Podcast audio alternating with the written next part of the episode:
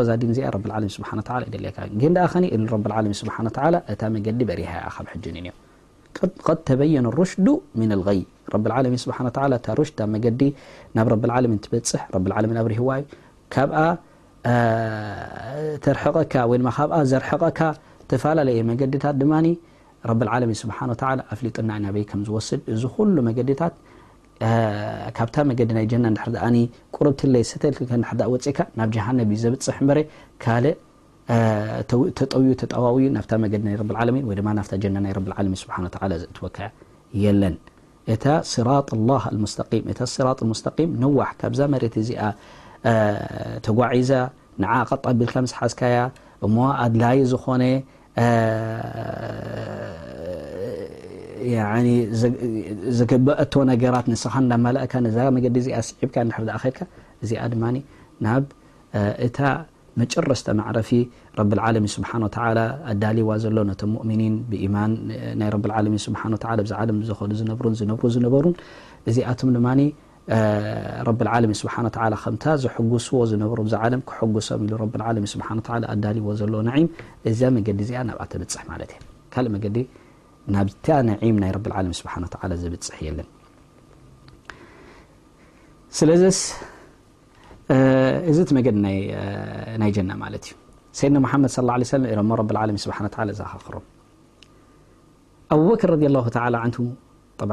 ካብታ ቀዳመይቲ ኢልና ቶም ሰሓባ ስሐት ስሐት ኢሉ ሰይድና ሙሓመድ ለ ላ ለ ሰለም ዘኻኽረና ነይሩ ንምንታይ ምስ በልዎ ምእንታን ካይስችወና ስለዚስ ኣብ ዚክራ ክኾኑ ከሎ ሕፅር ዝበለ ክኾን ኣለዎ ማለት እዩ ኩሉ ግዜ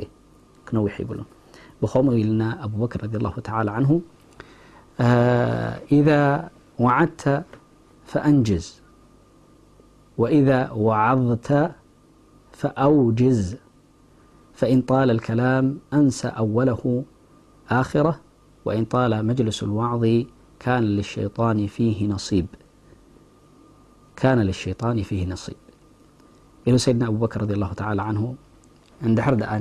ንሓደ ሰብ ብሓደ ነገር ውዒልካዮ ወይ ድማ እንድሕር ደኣ ኣብ ዋዕላ እንድሕር ደኣ ኣቲኻሲ ነዚ ነገር እዝስ ክትፍጽሞ ኣለካ ክትፍጽሞ ኣለካ እዛ ዝኾነት ነገር ንስኻ ኣብ ዋዕዲ ዝኣተኻያ ወይ ኣብ ዋዕላ ዝሓደርካሉ እዋን ናይ ግድን እዚ ነገር እዚ ክትፍጽሞ ኣለካ ካልኣይቲ ኸኒ ኢሎም ሰይድና ኣቡበከር ረዲየላሁ ተዓላ ዓንሁ እንድሕር ደኣ ሰብ ከዘኻኽር ኢልካ እንድሕር ደኣ ንንስኻ ሓላፍነት ወሲድካ ሕጽር ዝበለ ክኸውን ኣለዎ ንምንታይ ማለት እዚ መጅልስ ዝክር ወይ ድማ መዘኻኸሪ ናይ ረብል ዓለሚን ስብሓን ወተዓላ መጅልስ ልዋዕዝ ይብሉ ዑለማ ኹጥባ ይኹን ወላ ዝኾነ ይኹን ኢሎም ኣቡበከር ረዲየላሁ ተዓላ ዓንሁ እንድሕር ደኣ ንኻፍታ መጠና እንድሕር ደኣ ንውሕ ኢላ እቲ መጨረስታ ዝሰምዖ ዘሎ ሰብ ቃላት ነቲ ቀዳማይ ዘረስዕ እዩ። ስለዚ እስኻ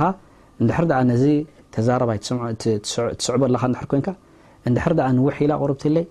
እቲ መጨረስታ ትወስዶ ዘለኻ ካብዚ ነቲ ቀዳማይ ኣብቲ መጀመርታ ዝበሎ ዘረስዕ ስለ ዝኾነ ኢሎም ሰይድና ኣቡበክር ረዲየላሁ ተዓላ ዓንሁ ሕጽር ዝበለ ክኾን ኣለዎ። መበል ሳልሰይቲ እንታይ ኢሎም ኣቡበክር ረዲየላሁ ተዓላ ዓንሁ እንድሕር ደኣኒ እዚ ዘረባ እንድሕር ደኣ ካብ መጠኑ እንድሕር ደኣኒ ሓሊፉ ኩሉ ግዜ ሸይጣን ያዕኒ ነሲብ ናቱ ኣብዚ ኣይስእኒን እዩ ማለት ሲ ሸር ናቱ ወይ ድማ ካብኡ ዝግብኦ ሸይጣን ወልዕያዙ ቢላሲ ያኒ ኣይስእንን እዩ ምንታይ ማለት እዚኣ እንድሕር ደኣ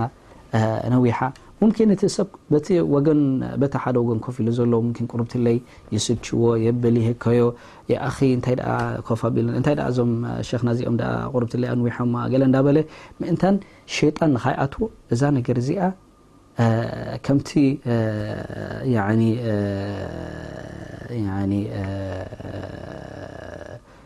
ተባህለ ኸይሩ ልከላሚ ማ ቀለ ወደል እቲ ዝበለፀ ዘረባ ሕፅር ዝበለ እታ ትርጉምናታ ድማ በዘን ቁርብትለይ ቃላት እዚኣ ዝበጽሕ ታፍር ንስኻ ደሊኻ ዘለኻ ብቐሊል ቃላት እንድሕር ደኣ ኣብጽሕካያ እዚ ኸይሩ ልከላም ይበሃል ወይ ድማ ዓረብ እንታይ ይብልዎ ይብሉ ኣልፈሲሕ ፈሲሕ ኢሎም ዝጽውዑ ማለት እዩ ኣልፈሳሓ ፈሳሓ ክበሃል እንከሎ ኩስታርኮ ፈሲሕ እዩ ክበሃል እንከሎ ብዘረብኡ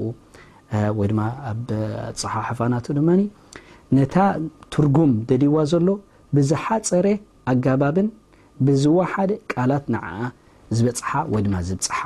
ፈሲሕ ኢሉ ዝጽዋዕ ማለት እዩ።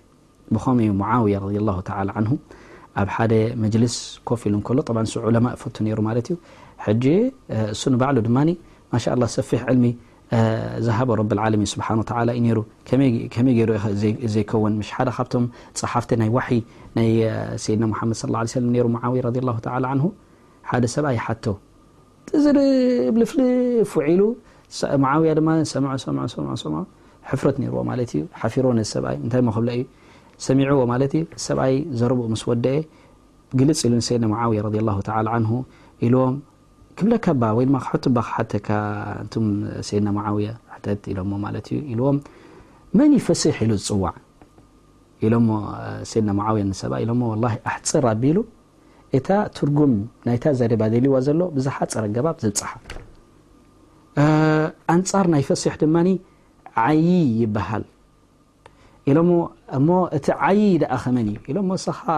ሎማዓንቲ ዝወዓልካዮ ምሉእ መዓልቲ ዝወዓልካዮ እዚ እዩ ዓዪ ዝበሃል ንስኻ ግዜና ኣጥፊካልና ነዚኣ ክትብል ኢኻ ንዓኒ ይብለካሲ እታ እቲ ፍረ ናይቲ ምሉእ መዓልቲ ዝወዓሎ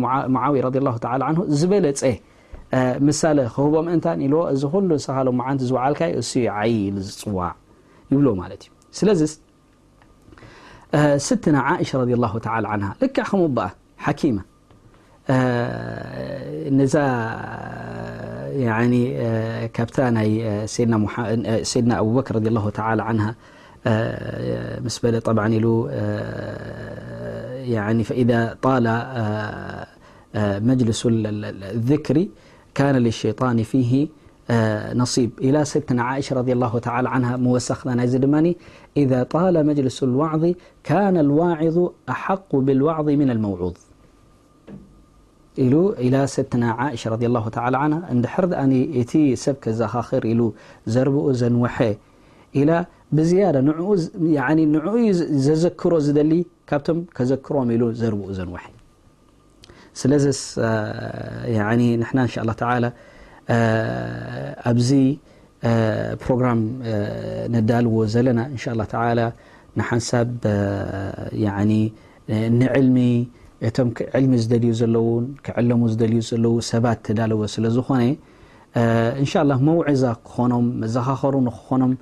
ነቶም ካልኦት ዝሰምዕዎ ድማ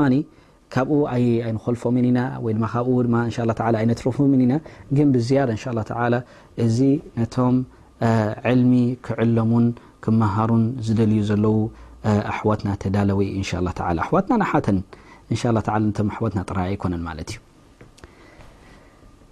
ስለዝስ ኣብቲ ሱና ናይ ሰይድና ሙሓመድ صለ ላه ለ ወሰለም ተሞርኪስና